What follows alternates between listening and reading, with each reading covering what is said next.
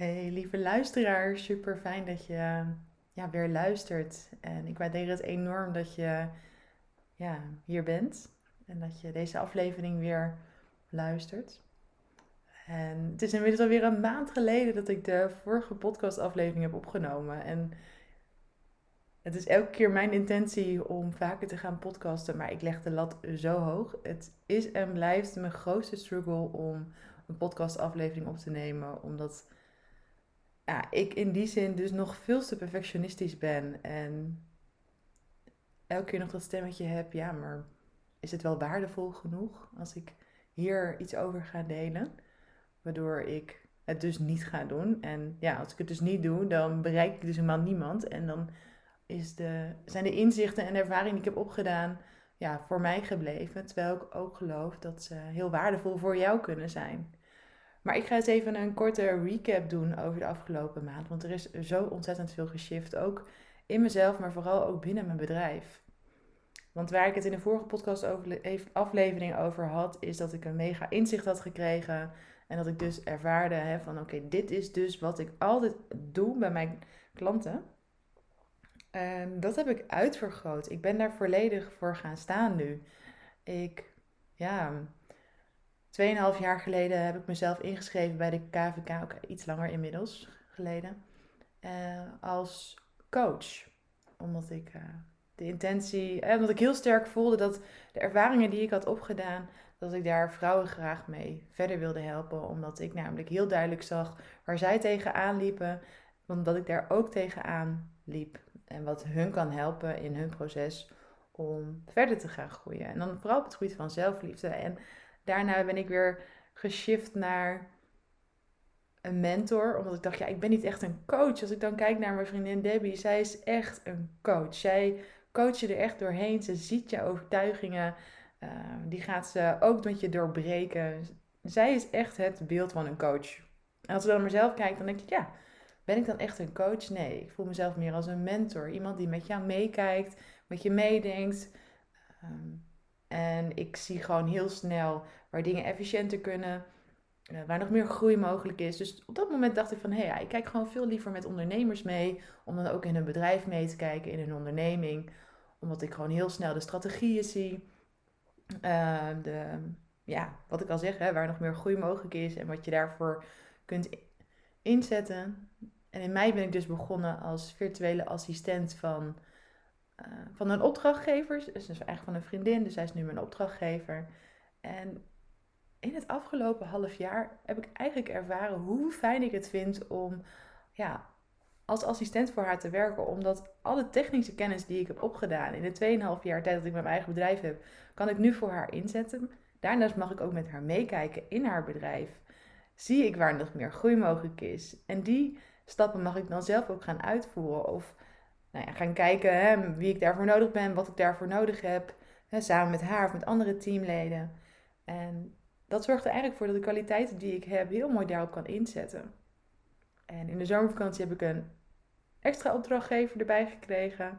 En sinds kort hebben we nu ook teammeetings. Dus dat maakt ook dat ik mijn stem wat meer kan laten horen. En ook kan vertellen, hey, van zo zie ik de dingen. En daar is nog meer groei mogelijk. Op dit moment, voorheen kreeg ik altijd een mailtje uh, met de technische dingen die ik voor haar zou uit handen zou kunnen nemen. Bijvoorbeeld als er een keer een nieuwsbrief verstuurd moest worden vanuit Mailblue. Als er een post geplaatst moest worden in Huddle. Uh, als er in Plug and een nieuwe checkout pagina aangemaakt moest worden.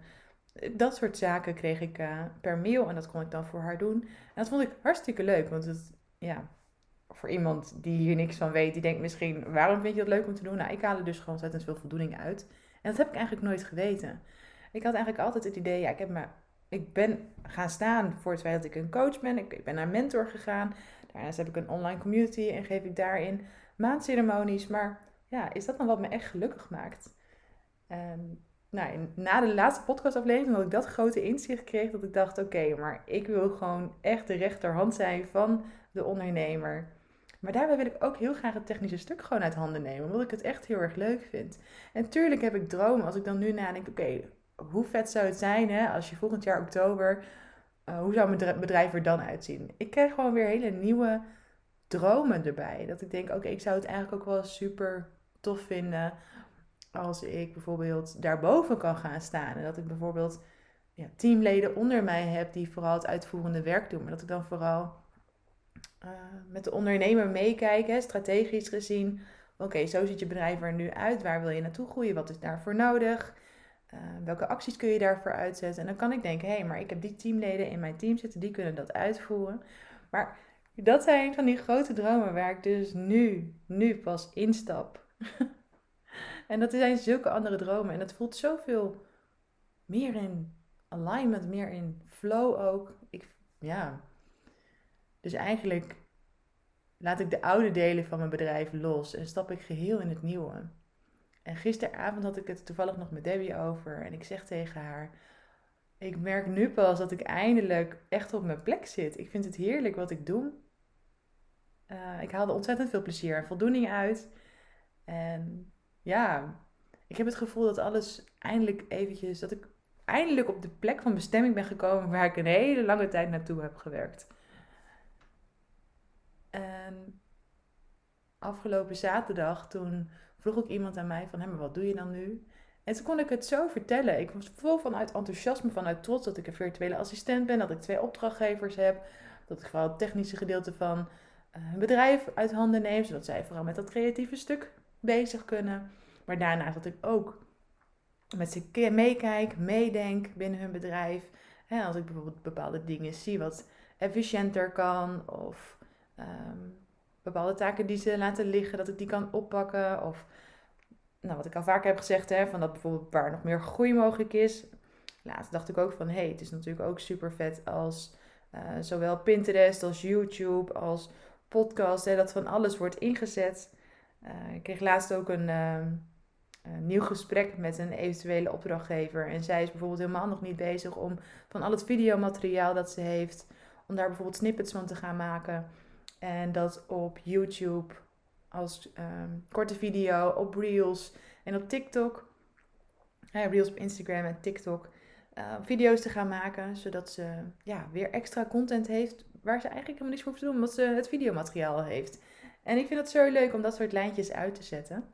En om daar dan over te gaan sparren en om te kijken van oké, wat is daar dan het doel van en hoe kunnen we dat dan gaan halen.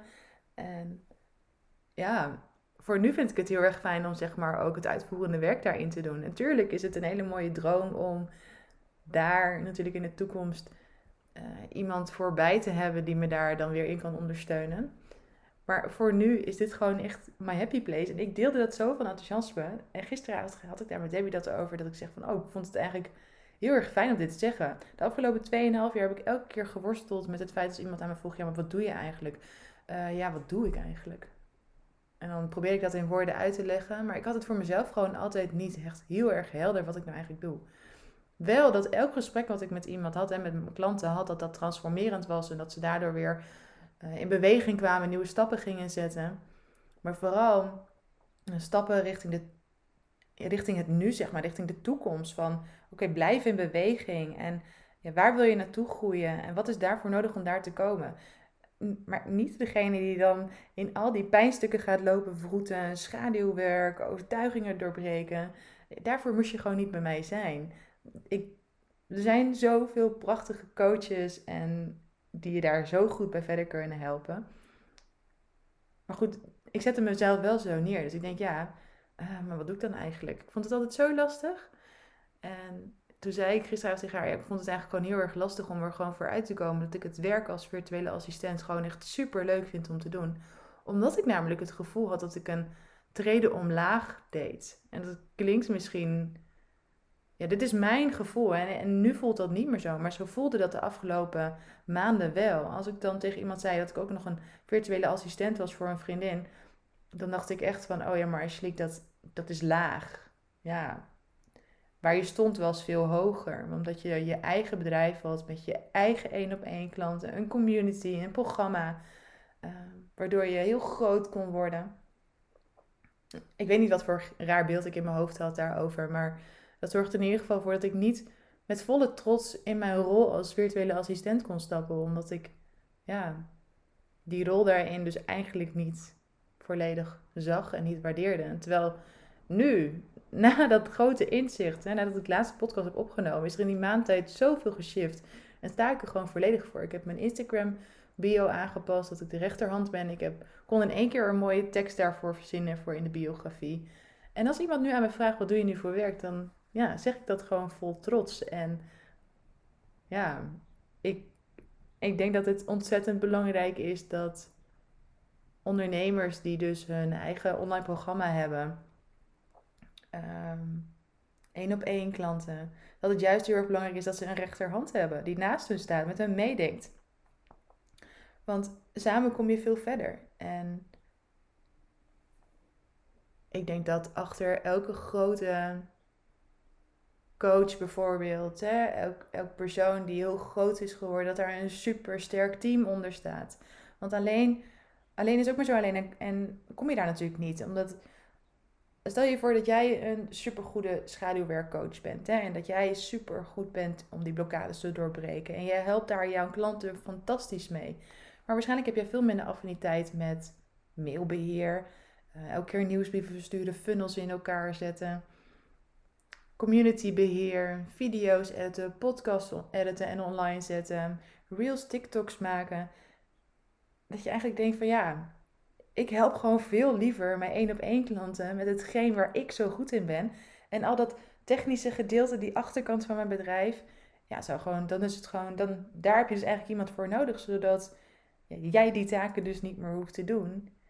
En vooral je kunt gaan focussen op hetgeen ja, waar jij dus zo goed in bent. En ik noemde net eventjes een, eh, een coach op met schaduwwerk. Maar joh, er zijn zoveel dingen.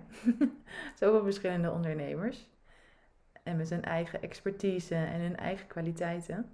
En ik voel me zo ontzettend trots dat ik ja, twee opdrachtgevers heb. Twee prachtige vrouwen met een eigen unieke missie. En dat ik ja, daarnaast mag staan en hun kan ontlasten en ontzorgen. En met hen mee mag denken. Ja, en het voelt echt super bevrijdend om dit nu te vertellen. dus ja, dat was eventjes heel kort daar de recap over. Over wat er eigenlijk de afgelopen maand daar in mijn transformatie is geweest. En daar wil ik hem dan ook gelijk mee afronden, want ik heb er eigenlijk niet heel veel meer over te vertellen. Ik vond het in ieder geval heel fijn om dit even te kunnen delen. En bedankt voor het luisteren en tot de volgende aflevering. En als er vragen zijn, in de show notes staat mijn Instagram en mijn e-mailadres. Laat het vooral weten. En nou ja, tot de volgende aflevering. Heel veel liefs.